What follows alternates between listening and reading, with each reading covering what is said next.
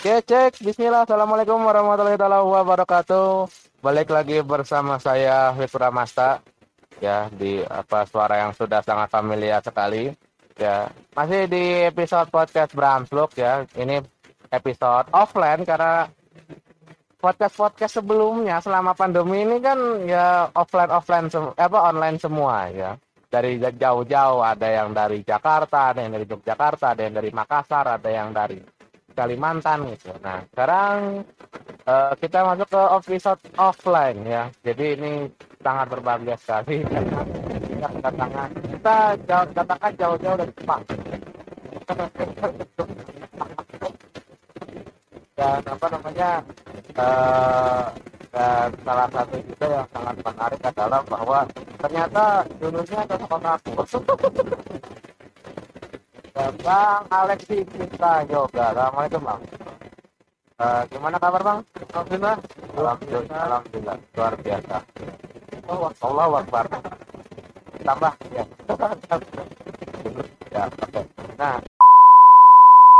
itu boleh iya. membuat komik. Tapi oh. Nah, itu kan yang menjadikan perluasan universe dari dunia dunia kok dunia ceritanya sendiri gitu yeah. cerita Marvel atau tapi ini berbeda dengan Aneh. manga manga kalau iya, di manga manga itu memang satu autor autor itu seorang pengarang iya. ditambah dengan satu editor iya. dia memfokuskan bagaimana alur ceritanya makanya yang diberikan hmm. itu satu Hmm. konsistensi Oh iya iya. konsistensinya makanya kita tahu bahwa uh, alur manga itu ketika dia bagus manga itu bagus dia akan konsisten. Entah tokohnya tidak akan berubah atau akan ada penambahan tokoh lain. Dan itu tidak akan mengubah universe mereka gitu untuk tidak membuat itu jadi tidak ada distorsi ketika membacanya. Oh iya benar. Iya Nah, sih. terus uh, dua dari grafis. Tiap penulis itu beda gambar. Dan itu tidak membosankan yang membuat tidak membosankan. Nah Hmm. kebiasaannya itu juga di Jepang sendiri itu dari manga itu biasanya nanti akan dijadikan proyek anime nah biasanya kan ketika misalnya kita ngeliat manga-manga yang berbau fight gitu ya berantem Iya. gitu atau action kita kan pengen penasaran efeknya bagaimana sih ketika nanti bertarung Iya iya. nah itu nanti direalisasikan dalam seri anime Anime. nah dan itu juga membuat membuat eh, apa ya bagi peminat-peminatnya sendiri itu wah ini keren gitu ternyata apa yang saya bayangin selama dibaca komik itu ketika ketika live ketika apa di anime ternyata jauh lebih keren gitu kan dibuat efeknya Benar. nah itu yang memberikan kepuasan-kepuasan sendiri. Hmm, ya ya ya. Oh, jadi itulah yang kemudian membedakan antara eh, manga dengan komik-komik nah di dari negara-negara lain selain Jepang gitu. Iya. Nah, eh, kemudian apa namanya? eh kalau melihat perkembangan manga dan anim ke belakang. Dari kemudian awal pertama kali muncul sampai kemudian manga yang baru-baru. Ya kira-kira trennya itu jadi semak apa eh, kalau menurut Bang Yoga jadi semakin bagus apa semakin maksudnya alurnya itu itu aja atau gimana? Kalau apa ya saya ngik saya baca komik pertama itu kan kelas 5 SD ya iya. Nah itu naik itu sampai kenal Shonen Jump dulu Shonen Jump itu masih dijual di apa namanya Gramedia. Dan saya apa namanya mengikuti cerita-cerita di Shonen Jump jadi kalau mau tahu rilisan tercepat dari sebuah manga iya. itu larinya tuh ke Shonen Jump bukan ke komik volume gitu kan ya. Hmm. nah jadi jadi manga volume. Jadi kita beli Shonen Jump dan kita baca jadi jadi mulai dari dari apa yang saya rasakan dulu itu mulai dari ada Death Note mulai dari apa ya banyak kayak fairy tale sebelum fairy tale itu ada Rev terus ada apa namanya Detective Conan dan Hmm, terus uh, One Piece, Naruto, kan. Dan itu kan memberikan konten-konten yang baru dan itu memacu orang-orang baru atau penulis-penulis baru itu muncul. Nah, semakin ke sini itu makin menarik. Kenapa? Karena mereka berusaha bersaing untuk bersaing dan membuat cerita yang jauh lebih menarik. Hmm, Contohnya iya, apa iya. yang yang kedua kayak misalnya uh, My Hero Academia gitu, Boku no Hero Iya. Academia.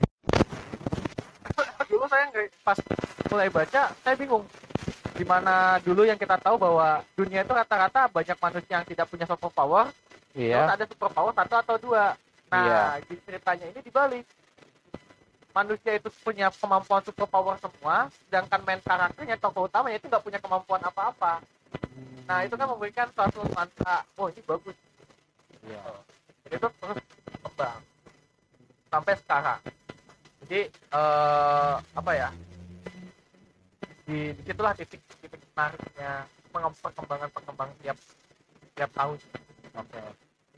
Eh dan kemudian kan banyak manga-manga dan anime-anime legend kayak tadi kayak model-model apa namanya eh, detektif Conan kalau Conan kan kalau nggak salah udah selesai ya kalau Conan. Saya Kemudian tahu, saya udah malah nggak ngikutin lagi. eh One Piece kalau nggak salah masih Masih- terus mana ma- mana lagi ya yang apa yang dia tuh bahkan bisa sampai beratus-ratus episode gitu yang kemudian anda masih bingungnya begitu kenapa kok kemudian apakah kemudian memang eh, secara animo dari penikmat anim sendiri memang apa namanya besar gitu sehingga mereka bahkan sampai mengeluarkan berepisode-episode beratus-ratus gitu?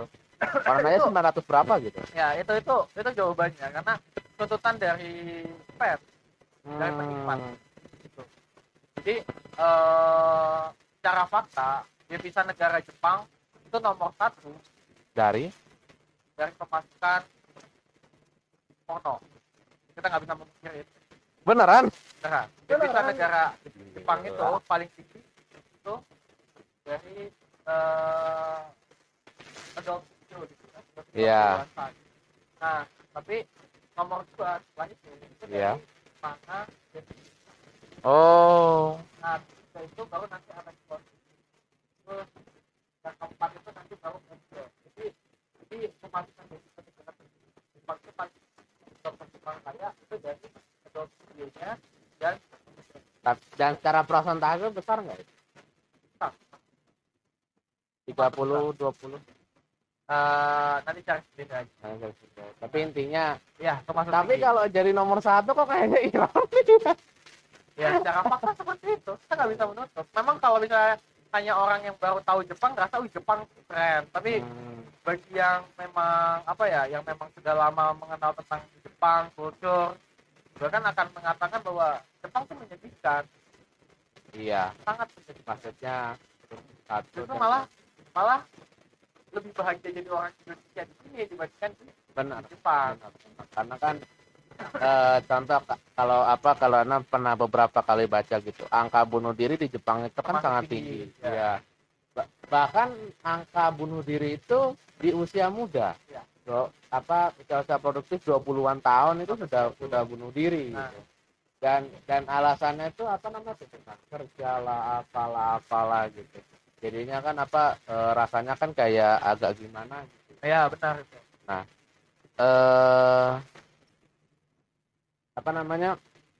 Berarti sebetulnya eh apa eh karena kan selain itu kan Jepang itu kan juga dikenal sebagai apa eh, teknologi gitu yang bahkan apa namanya eh, mereka hanya dalam waktu yang apa yang tidak terlalu lama itu bahkan eh, sudah bisa menyaingi produk-produk Eropa dan Amerika gitu. Bahkan produk Amerika harus dulu apa Ya, harus ya, benar.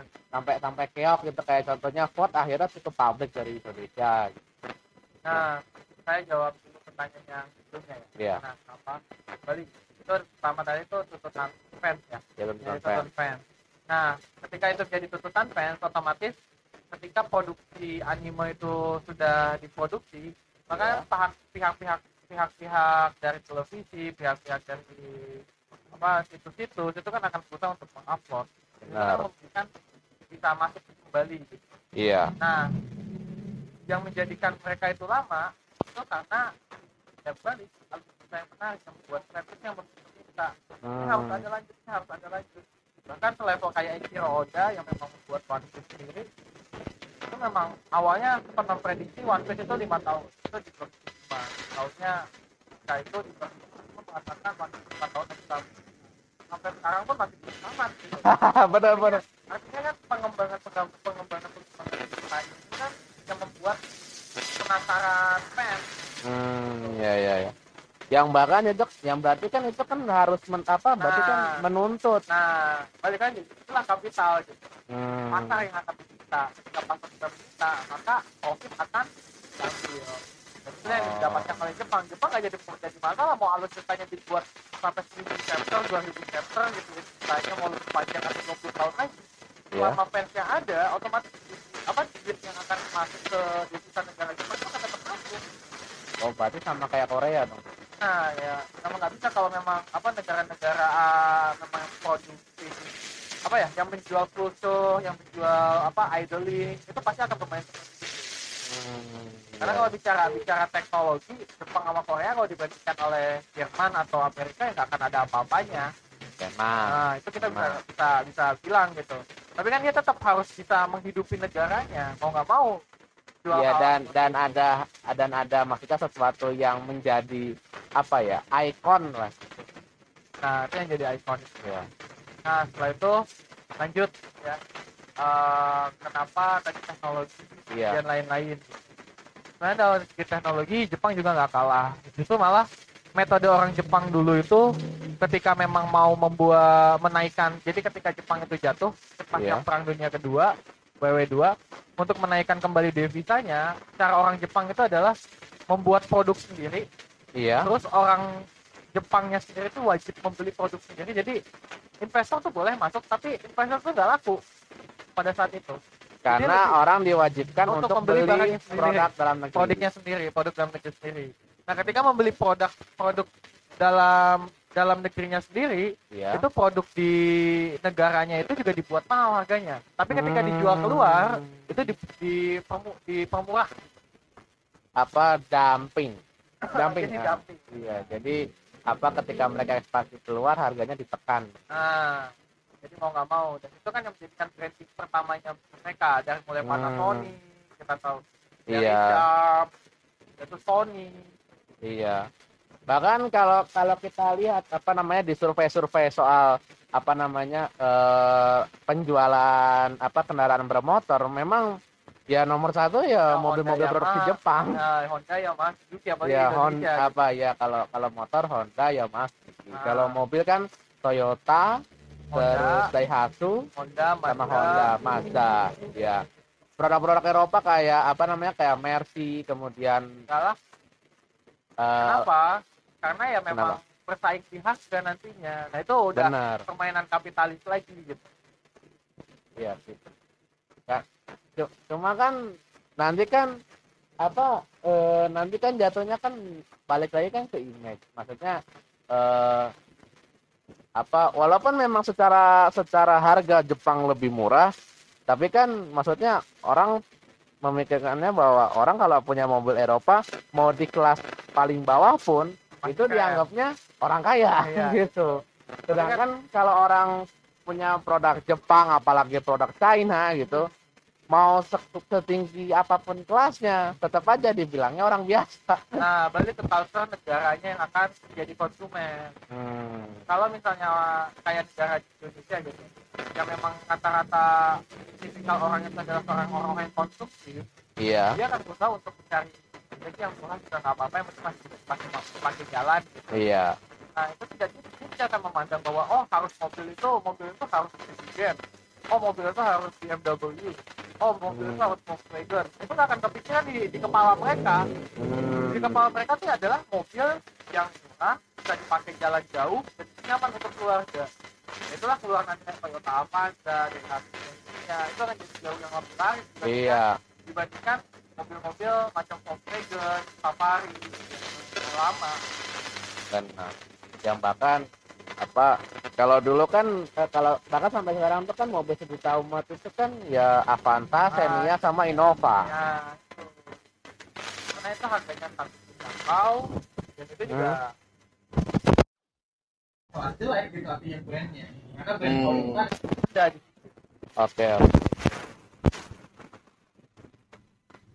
Nah, eh, kemudian apa namanya eh soal apa Jepangan apa eh, Kenapa? penasaran banget sama Jepang. Benar benar.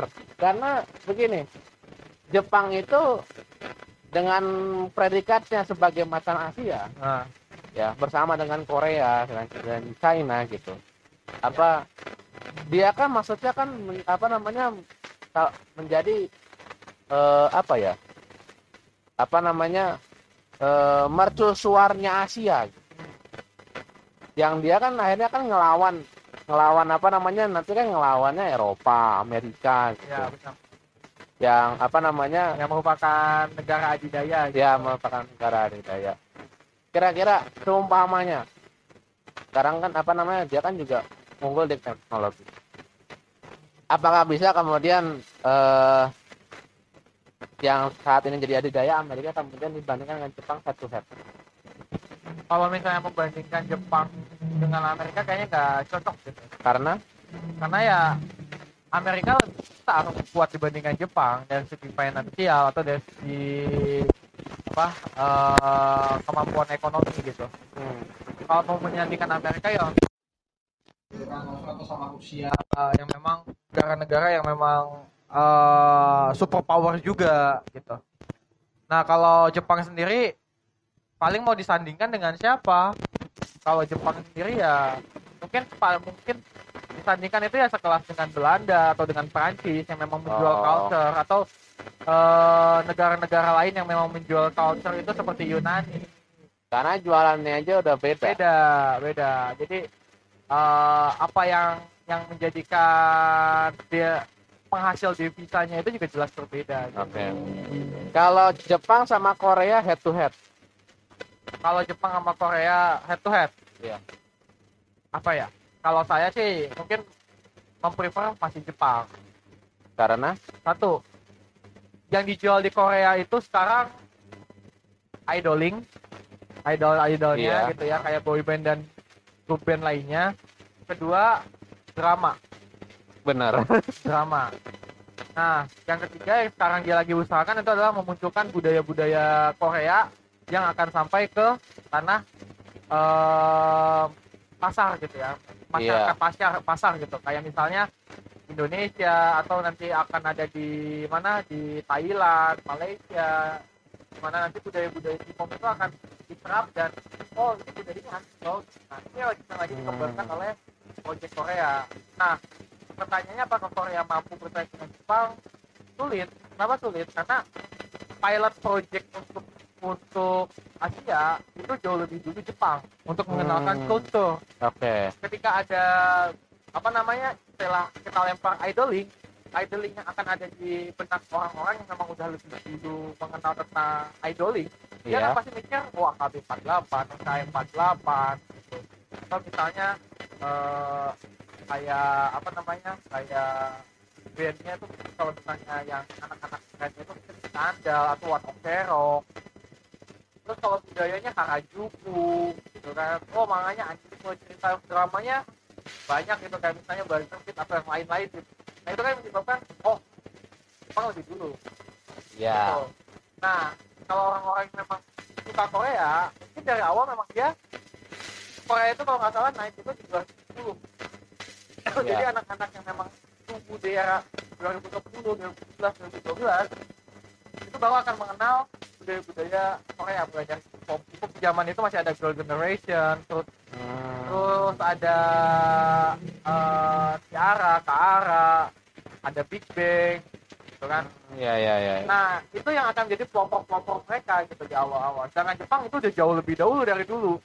Jadi memang ketika bicara akan berat. oke Selesai. Berat tapi kan berat kan bukan berarti nggak mungkin Nggak mampu. Mampu. Tapi Mampu. akan ada proses yang lama. tapi lama oh iya ya karena kan memang ya maksudnya K-pop ini kan baru tumbuh kan baru-baru ya baru-baru dan apa tapi tapi entah kenapa ya entah kenapa para fansnya K-pop itu bahkan lebih brutal daripada wota-wota ini Oh, di Iya. Jepang. Gitu. ya. iya bahkan lebih brutal gitu apa eh, kayak kayak contoh misalkan kalau kita ngomongin soal orang-orang komentar soal K-pop gitu. itu pasti akan banjir komentar di kolom komentar Ya, itu dan apalagi, apalagi menuhankan BTS. iya gitu. menuhankan BTS lah EXO. apa EXO dan sebagainya gitu Nah, itulah melihat fenomena begitu gimana ya menyedihkan ya apa ya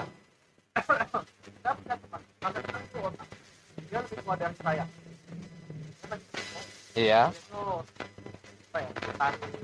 dia juga dia dulu lebih kenal Jepang kalau saya kan memang udah ah apa sih hal-hal kayak gitu nah tapi dia masih mengikuti Oke. budaya-budaya sampai pada akhirnya saya nanya eh lah. Lu masih jadi otak. Kenapa? Saya kenapa gitu kenapa Iya. masih jadi otak? Hmm. "Ya, karena keren. Keren. Keren lah. Beda dengan apa bedanya dengan orang-orang? Suka atau suka itu orang suka idol. Suka idol. Iya. walaupun gue suka idol mereka itu orang sana. Jadi kakak jauhnya begitu. Oke terus dia aja tambahin lagi. Lagian juga yang gua suka itu kan cuma musik dan penyanyinya. Apa juga gua harus ngebela sampai gua harus berantem dengan mereka? Nah itu yang menyebabkan oh kan anak beda Iya. Dan apalagi kan eh, biasanya ya ini kan kita kan eh, dalam tanda kutip anak-anak yang apa ya ya secara segmen ya memang ya usia 10 tahun eh, apa usia eh, 20 tahun ke bawah baru-baru ini baru-baru ya anak ABG ABG gitu. Ya ya, yang secara pemikiran juga belum sempurna sempurna banget. Emang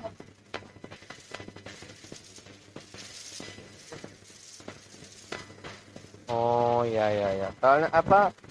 Ya, gitu jadinya kan apa ya? Eh seca- karena secara apa namanya? Secara yang menikmati juga beda gitu.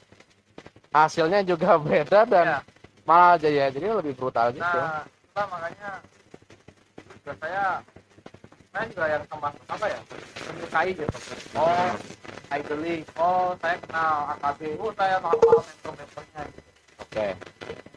Oh saya tahu JKT oh saya tahu. Oh si ini si ini oh dia begini. Jadi ya termasuk termasuk menyukai tapi lama kelamaan saya mau pikir setelah itu apa namanya keuntungan saya tuh apa? Oke. kalau misalnya saya ingat dulu ya kenapa nggak saya mengkaji ilmu gitu. Kalau mengkaji ilmu paling nggak kan versi kepala saya tuh masih banyak yang bermanfaat dibandingkan hal-hal tersebut. Gitu. Iya. nah itu yang menyebabkan saya ya udah deh lebih baik kayaknya berkurang gitu jadi interestnya tuh udah mulai berkurang gitu udah lah. Hmm, tapi saya nggak menutup nggak nggak pernah menjelaskan bahwa mereka yang ikut kayak gitu tuh adalah sesuatu yang hina enggak kok enggak. mereka itu karena hanya belum melihat apa eh, apa yang harus diperjuangkan Oke. karena hidup yang dia lakukan dia masih senang hidupnya seperti itu dia belum melihat Hmm. apa lagi yang harus diperjuangkan dalam Hmm. makanya kalau saya kasih nasihat sama guru saya gitu antum tuh nikah kalau antum nikah antum akan tahu siapa yang antum perjuangkan Hmm. jadi arah antum berpikir pun juga akan berubah Oke. Nah itu yang menjadikan salah satu sedikit contoh. Begitupun juga dengan dengan teman-teman yang ada di Indonesia yang suka dengan hal seperti itu. Dia pasti akan memikirkan bahwa kayak gini masih enak kok. Gue nggak perasaan nggak rugiin siapa-siapa kok. Gue ngejalanin ini nyaman-nyaman aja. Kalau gue ngelakuin ini rugiin dulu, membuang uang dulu. Jangan pakai duit gue juga kan. Iya. Ya karena ya baru sebatas itu yang dia perjuangkan. Hmm. Tapi ketika nanti dia ketabrak dengan masalah lain, dia akan berubah arah perjuangannya apa yang dia lakukan. Hmm, iya ya benar-benar. Iya sih, apa soalnya gini ya, apa eh, mungkin karena memang mereka tapi mafhum juga berpengaruh kan? Ya, kok. Kenapa yang dia dapat? Ya, kenapa saya dulu kenal Jepang? Saya saya memang suka Jepang. Saya dulu Hmm. malah apa ya, rasa ah ngapain sih hidup di Indonesia? Dan dulu gua transit kali hidup di Jepang gitu.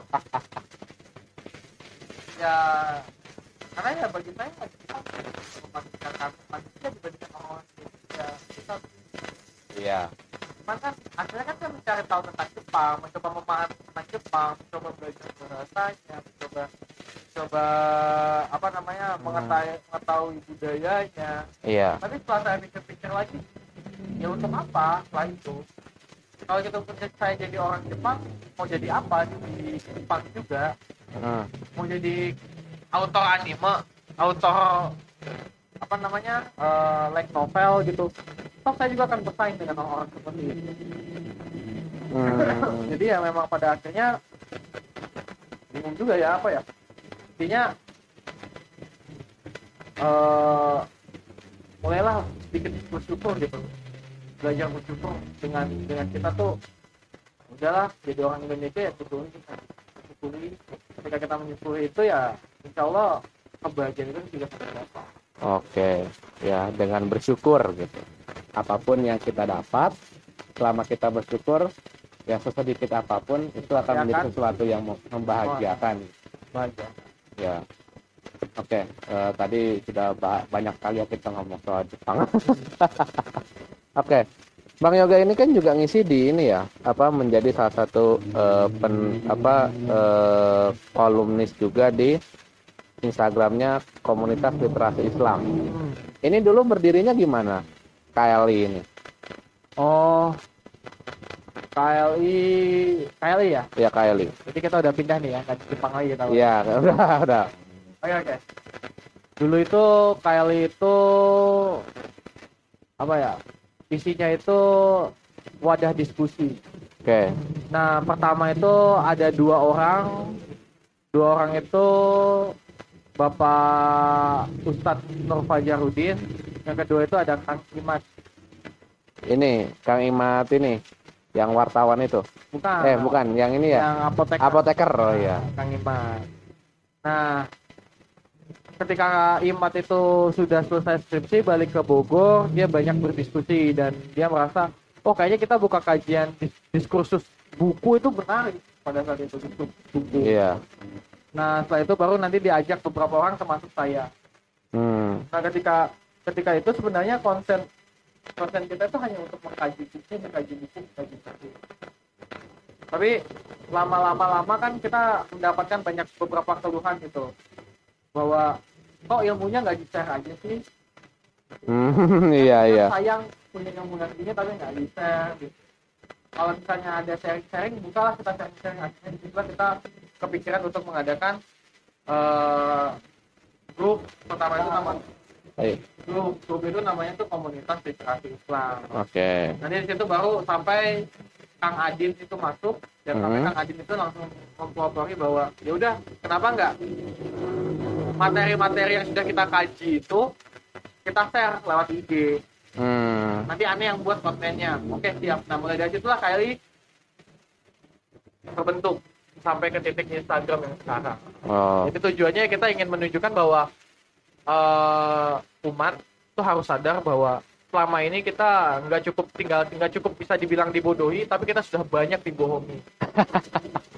Iya, kita sudah sering dibodohi dan sering dibohongi gitu. Hmm. Nah, begitupun juga dengan pengetahuan-pengetahuan yang memang sudah kita terima. Kenapa? Karena rata-rata basis pengetahuan sekarang minim sekali akan metodologi yang kuat. Nah, itu yang menyebabkan kita, ayo kita buka diskursus, kita buka sedikit pembahasan Iya. dengan fakta yang kuat, data yang kuat, dan punya sumber yang kuat, Iya. dan itu bisa dipertanggungjawabkan.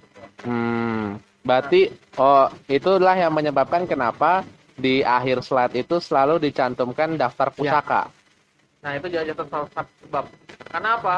Karena kita menyampaikan itu memang ada buktinya, kita nggak bicara omong kosong gitu. Oh, nggak bicara bahwa Iya. apa jaja, apa nama ini cuma opini, Opini gitu. aja. Misalnya kita bisa bicara gini, bicara sesuatu yang radikal gitu ya. Kita Iya. bicara khilafah. Ketika bicara khilafah, banyak mengatakan di negara-negara apa namanya negara-negara Timur Tengah, Arab, Iya. pasca Arab Spring itu sudah tidak ada yang menerapkan mereka itu mulai masuk kepada eh, pluralisme dan sekularisme kan. Iya. Nah, cuman pada saat itu yang menarik ada juga beberapa fakta bahwa di tahun 2000 mulai dari tahun 2010 bahkan tahun 2006 dari tahun 2006 Iya. level orang kayak George Bush terus Tony Blair. ya dan yang lain-lain gitu ya Iya. itu mulai membicarakan kembali wacana khilafah Khilafah. pertanyaannya kalau ini adalah sesuatu yang tidak ada kenapa harus disampaikan dan Nah, kenapa itu. orang yang dengan dengan level tinggi itu yang menyampaikan itu itu Padahal katanya nggak ada. nggak ada nah oke yang kedua secara fakta di tahun 2010 eh, itu pernah dijadikan pernah ada konferensi sos, konferensi science sosial social science dan itu mengkaji dinamika perkembangan khilafah Hmm. di situ kayak misalnya ada Madawi Ali Rashid, terus ada eh Ustadz, bukan Ustadz ya, apa ya, Profesor Reza Fansur, terus di situ ada eh, rekomendasi-rekomendasi dari Zeno Baran dan lain-lain. gitu. Hmm. Dan itu dibuku- dibukukan dalam satu buku yang namanya Des- Descriptifying of Caliphate. Gitu. Nah, Hmm. buku itu yang menjadikan salah satu bahwa ini apa tuh sebenarnya juga ada dan bahkan jadi diskursus dan secara fakta di Eropa itu anak-anak SMA, anak-anak apa namanya, anak-anak kuliah Iya. di bidang sosial saya satu tata negara itu pun juga melakukan studi banding dengan sistem kehilafahan. Hmm. Jadi jangan salah bahwa apakah mereka itu tidak menyukai khilafah? Mereka memang tidak suka dengan khilafah, tapi Iya. bukan artinya ilmu yang ada di khilafah itu tidak bisa dimanfaatkan oleh mereka. Dan itu kan diterapkan dalam tata negaranya mereka. Hmm. Gitu. Dalam bagaimana sistem pengaturan sosialnya, bagaimana Iya. sistem pengaturan pajaknya. Kalau di, Iya. di sistem khilafah nggak ada pajak, adanya Zakat. zakat. Tapi di sini diubah dalam bentuk pajak. Pajak. Gitu. Dan itu kan merupakan serapan-serapan yang pernah dilakukan oleh uh, sistem pemerintahan Islam itu Hmm. Oke. Hmm, ya ya ya ya. Karena kan apa ya? eh, kalau kita ngomong bahwa ada satu nasihat dari seorang ustadz itu bahwa eh, sebetulnya Barat itu liciknya minta ampun. Ya, mereka dalam tanda kutip tahu bahwa khilafah itu punya andil dalam eh, salah satunya adalah perkembangan ilmu pengetahuan. Iya. dengan apa ketika dulu Barat mengalami apa namanya disebut dengan zam, apa masa kegelapan gitu. Ketika Eropa benar-benar pada masa-masa minusnya gitu. Di, di saat itulah kemudian Islam memperkenalkan satu yang sesuatu yang eh, orang saat itu anggap modern sekali gitu. Kayak contoh yang paling kecil aja. Eh dulu Barat itu kalau saya pernah baca di tulisannya Profesor Fahmi Amhar itu rumah-rumah mereka itu kan lantainya lantai tanah rumput gitu. Hmm. apa eh, hewan peliharaannya kalau buang kotoran di situ. Ka- orang kalau mau ngeludah di situ. Pokoknya apa namanya eh, yang apa kayak seakan lan- apa lantai rumah yang seharusnya maksudnya membuat orang itu nyaman di situ itu rasanya kayak nggak ada harganya gitu. Iya. tapi kemudian Islam memperkenalkan konsep salah satunya adalah karpet gitu. Nah, karpet di mana kemudian eh, menjadi apa alas untuk kemudian orang berdiskusi gitu, ah, macam-macam. Termasuk juga di antaranya adalah kopi hmm. gitu. Nah me- Barat memang mengakui gitu. Cuma kan eh Barat itu kan apa dengan liciknya itu kan akhirnya kan eh, mereka dalam tanda kutip me- apa menutup-nutupi sejarah itu dan kemudian mereka mengangkat tokoh-tokoh mereka gitu. Yang apa kalau kita baca sejarah aslinya tuh bahkan mereka tokoh-tokoh yang mereka angkat tuh tak lebih adalah plagiator Hmm. gitu ya eh, tapi apakah kemudian sejarah itu akan berulang gitu Oh, oke. Eh, dulu ketika saya kuliah itu teman saya pernah me- membantah ngomong begini. Sejarah itu tergantung siapa pemenang. iya Tergantung siapa pemenangnya, orang yang menang dia yang bisa menuliskan sejarah. Nah, terus saya bantah dengan enggak. Polanya akan tetap terulang. Polanya Hmm. akan tetap terulang. Kenapa akan terulang? Karena Karena pada saat titik stagnan eh, sesuatu peradaban dia akan mencari titik baru yang di mana nantinya eh, kemajuan peradaban selanjutnya itu dipengaruhi atas jatuhnya peradaban yang lama. Itu adalah pola yang selalu berulang-ulang dari hmm, kita tahu dulu eh kejayaan satu masa kejadian kejayaan terbesar itu setelah Nabi Daud dilanjutkan oleh Nabi Sulaiman iya. lalu nanti di situ akan dibantai oleh apa namanya Kaum Babilonia. Babilonia Babilonia nanti bangsa Babilonia juga dia akan dibantai dengan bangsa eh, apa apa namanya eh, Israel Israel akan memimpin sebentar diganti oleh Roma Roma nanti akan akan memenang Roma sebelum Roma itu dikalahkan Persia gitu kan ya Iya. Persia nanti memimpin dunia malah digantikan oleh Roma. Roma Roma Roma Romawi. dan Roma dan Persia sedang memimpin Iya. dalam keadaan yang sama juga akan dipimpin oleh Islam gitu. Islam. Nah, ketika Islam itu jatuh Iya. di tahun 1000 1100 ya kalau nggak salah 1000 1100 itu digantikan lagi posisinya oleh pasukan salib yang dipimpin oleh Nasrani lagi gitu. Jadi Iya. memang akan ada pergantian terus-menerus. Hmm, Jadi itu adalah posisi yang akan berulang terus-menerus. iya. Kenapa? Karena ada titik ketidakpuasan manusia Benar. gitu. Nah, untuk sampai ke titik sana, Iya. eh kita nggak akan aneh gitu. Siapa sih yang memberikan pengaruh paling besar sampai titik dunia sampai saat ini gitu? Iya. Semua akan mengatakan Albert Einstein gitu. Padahal tanpa ada lebih dahulu Iya. kontribusi mereka tuh nggak akan ada di dunia. Benar. Itu yang harus jadi catatan. Kenapa? Karena peradaban Islam itu yang memberikan warna perubahan dunia pada saat itu. Ketika Hmm. orang Islam, ketika orang Islam itu di Andalusia, di Iya. Andalusia atau di Abbasiyah, Hmm. di Damaskus, itu sudah mulai bicara motif, bicara perhitungan, bicara perdagangan meluas. Itu orang-orang sana, orang-orang apa namanya, orang-orang Barat kayak raja Spanyol itu pun tidak bisa menulis mengeja tulisan namanya saya itu nggak bisa. Artinya ini benar-benar ya. bobrok gitu loh. Hmm. Bahkan namanya sendiri pun nggak bisa ditulis. Bahkan ketika era Hil, apa Khilafah Khalifah Umar bin Abdul Aziz itu sedang memimpin Islam, Hmm. itu raja-raja di Inggris di Oxford pada saat itu itu nggak ada itu menganggap bahwa mandi di pagi hari itu adalah bagian yang tabu dan itu nggak boleh karena Iya. ketika mandi di pagi hari atau di, di subuh itu akan menyebabkan sakit dan sakit itu adalah bentuk kutukan itu pola pemikiran mereka dulu seperti itu Iya. jadi, jadi ketika menunjukkan bahwa Barat itu memberikan kontribusi paling besar, sebenarnya Barat itu hanya mengembangkan apa yang sudah dikontribusikan. Nah itu yang jadi harus jadi catatan. Makanya Hmm. tadi saya bilang bahwa seharusnya umat itu udah harusnya mulai sadar. Kenapa sadar? Sudah cukup lama dibodohi dan Iya. dibohongi dengan fakta-fakta yang memang merusak. Oke. Sedangkan ketika mulai menilik sejarah lagi, dia akan baru mulai berpikir bahwa oh enggak yang benar itu akan seperti ini gitu. Hmm. Kurang lebih seperti itu. Iya.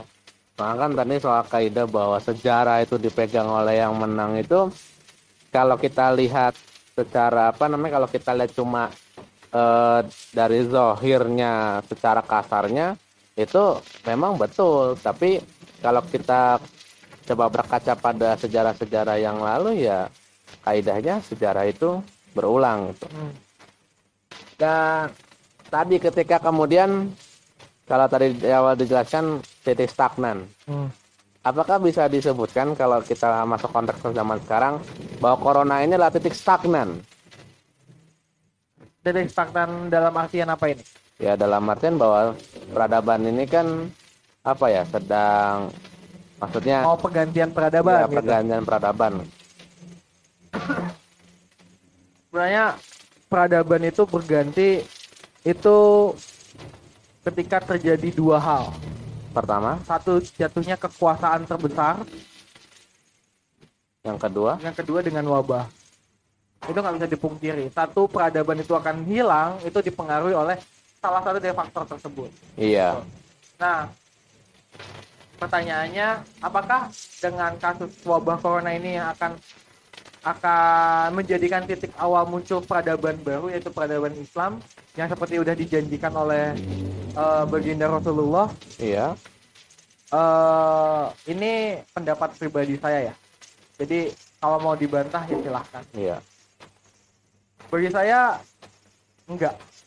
Kenapa enggak? Karena? Karena akan terlalu mudah. Pertama terlalu mudah. terlalu mudah. Karena karena di situ tidak adalah titik perjuangan perjuangan dalam memperjuangkan apa yang ingin kita perjuangkan. iya. Nah, ketika memang dengan wabah corona, ekonomi akan hancur. Ketika ekonomi hancur, dampaknya kelaparan Kerja, terjadi.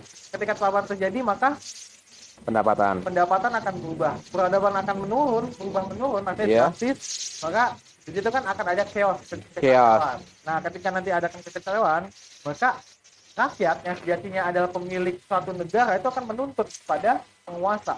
Iya. Pertanyaannya, ketika penguasa itu tidak mau, maka akan terjadi Ya, kekacauan. kekacauan. Nah, kekacauan posisinya di sini yang menang siapa? Kalau rakyat yang menang, maka posisi negara tersebut terjadi revolusi. Tapi ketika nanti tidak, artinya rakyat yang kalah, maka Iya. rakyat akan siap ditindas dengan diktator tirani.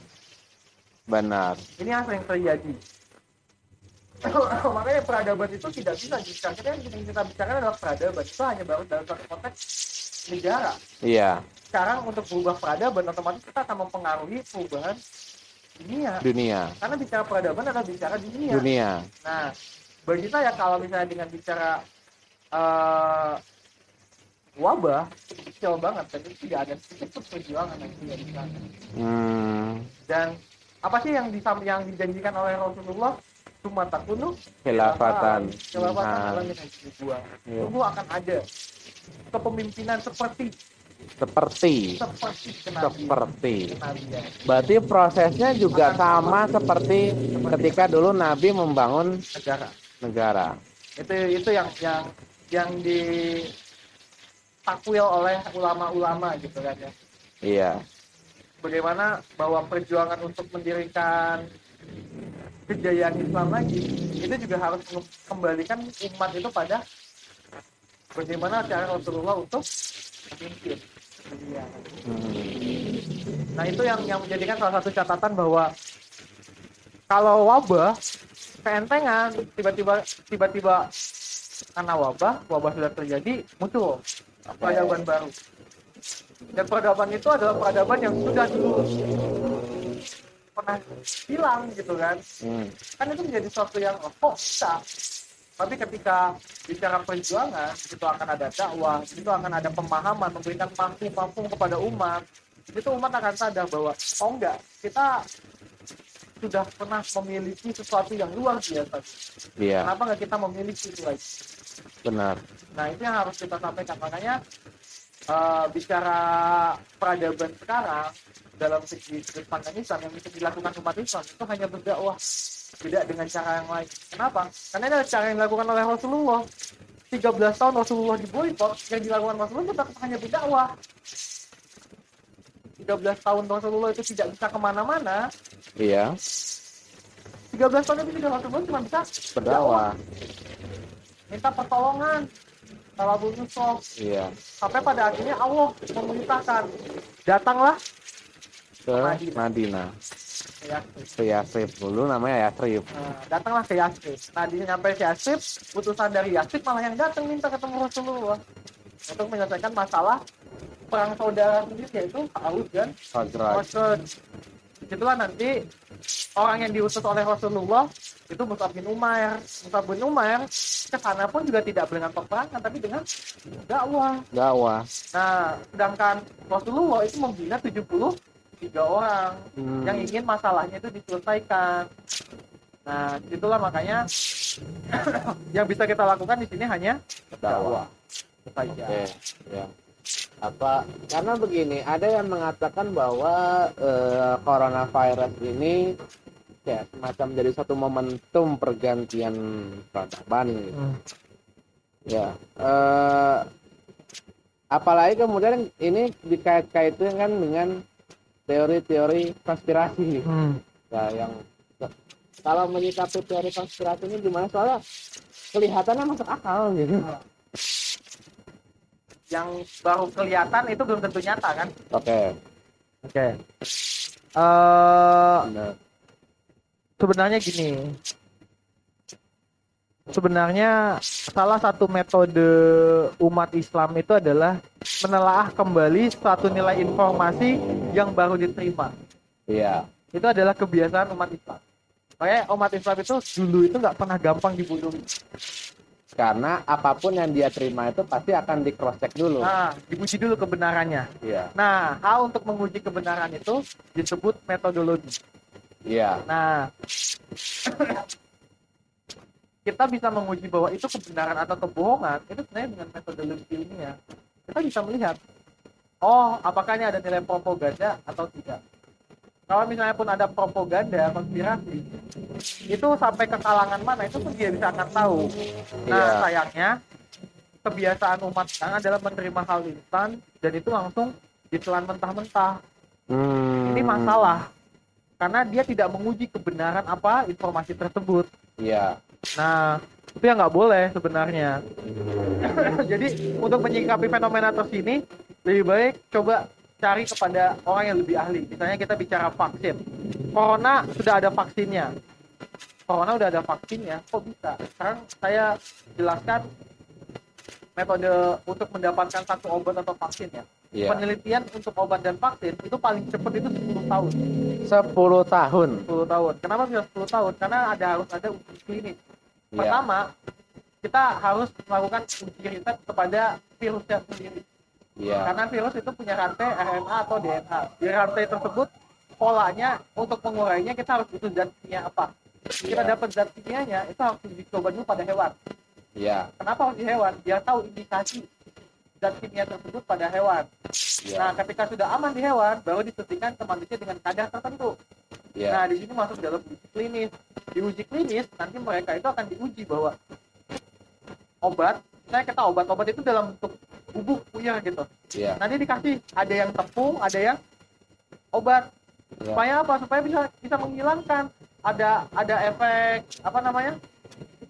Efek ketergantungan nggak? Ada efek yang lain nggak? Ada efek yang mempengaruhi kecanduan nggak? Hmm, ada efek sugesti nggak? Nah itu yang mempengaruhi yang mempengaruhi bahwa eh proses obat sampai nanti bisa dikonsumsi di masyarakat itu butuh Iya. waktu yang cukup lama. oke gitu Terus bagaimana? Nah, eh memang tadi, oh ya, eh berarti kan panjang sekali ya maksudnya. Waalaikumsalam. Kita kedatangan tamu. Ini emang Niko Pandawa. Ya. Wih, Duduk dulu. Hah? Baru cabut. Coba cek lagi, cek lagi, cek lagi. tadi katanya ke kontak. Ya, Eh, ada Kak Fadil. Iya, Iya. lagi nomor- Oke. Ya, ya. Itu bar apa eh berarti sebetulnya eh kebohong berarti maksudnya bahkan berita-berita bohong itu sebetulnya bisa bisa di ini dengan ini ya apa dengan uji ilmiah berarti. Iya. Sebenarnya kita nggak bisa bilang uji ilmiah, sebenarnya kita menguji kebenarannya. kebenarannya. Nah, cara menguji kebenaran itu pertama kita uji informasinya dulu. Iya, Pertama cek informasi itu dari siapa. dari siapa? Nah, benar. ketika kita udah dapat informasinya, maka kita harus cari datanya. Apakah Iya. data itu sesuai dengan informasi sebelumnya? Iya, Nah, ketika memang data itu sesuai, maka bisa katakan, oh berarti memang benar. benar. Nah, kalau misalnya enggak, kita harus uji yang benar itu yang mana. Kita harus Hmm. cari yang benar itu yang mana. Iya. Kalau misalnya kita dapat yang benarnya, kita tahu titik kebohongannya itu di mana. Oke. Nah, itulah disebut metodologi. Metodologi. Metode di mana kita akan menguji nilai kebenaran. Oke. Itu.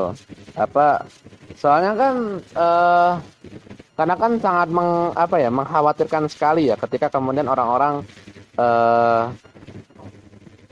percaya saja gitu langsung mentah-mentah percaya Iya. dengan teori konspirasi. itu bahaya contoh begini ayo jalan lurus terus di depan itu ada jurang dibilang tenang di depan di depan jurang itu ada ada jembatan kaca yang nggak kelihatan kalau ini adalah konspirasi ketersekongkolan Iya, banyak umat yang percaya berapa banyak umat yang akan terjun di dia masuk ke jurang terjun ke jurang. nah dia nggak boleh sebagai seorang seorang yang berpikir yang dikasih bekal akal sama Allah kan kita Iya. harus menguji apakah kita pegang dulu oh nggak ada apa-apa nih di depan jurang wah berarti dia tuh ngebohongin nih kan ini kita tahu Iya.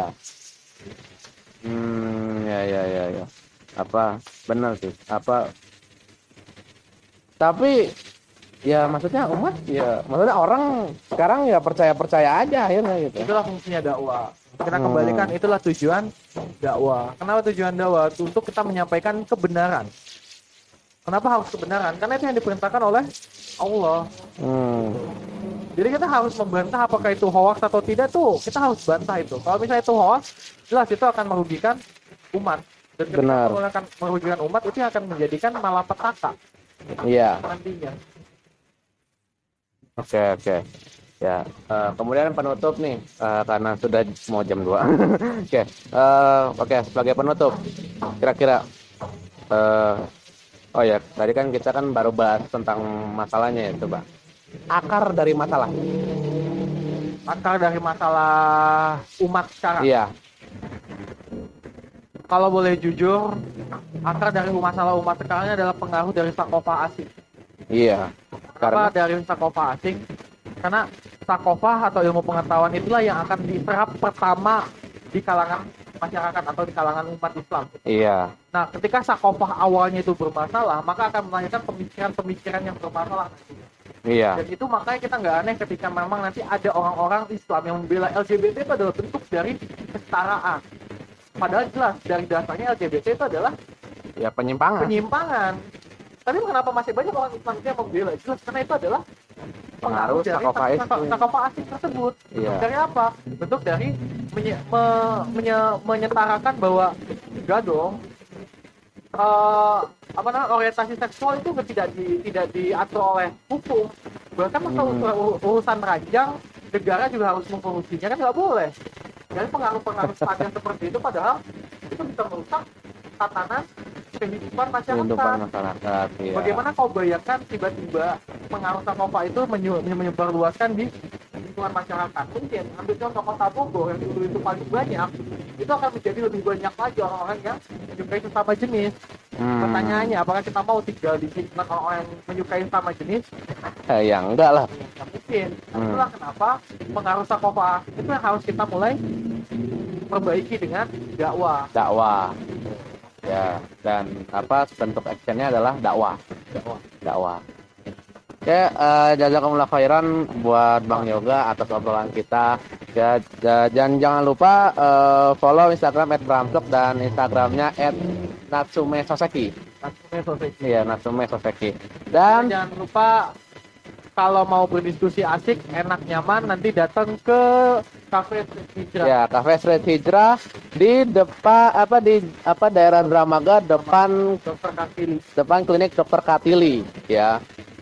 Podcast ini bisa Anda dengarkan di Spotify, Anchor, Google Podcast dan juga di aplikasi lainnya. Salam, Assalamualaikum warahmatullahi wabarakatuh. Waalaikumsalam warahmatullahi wabarakatuh.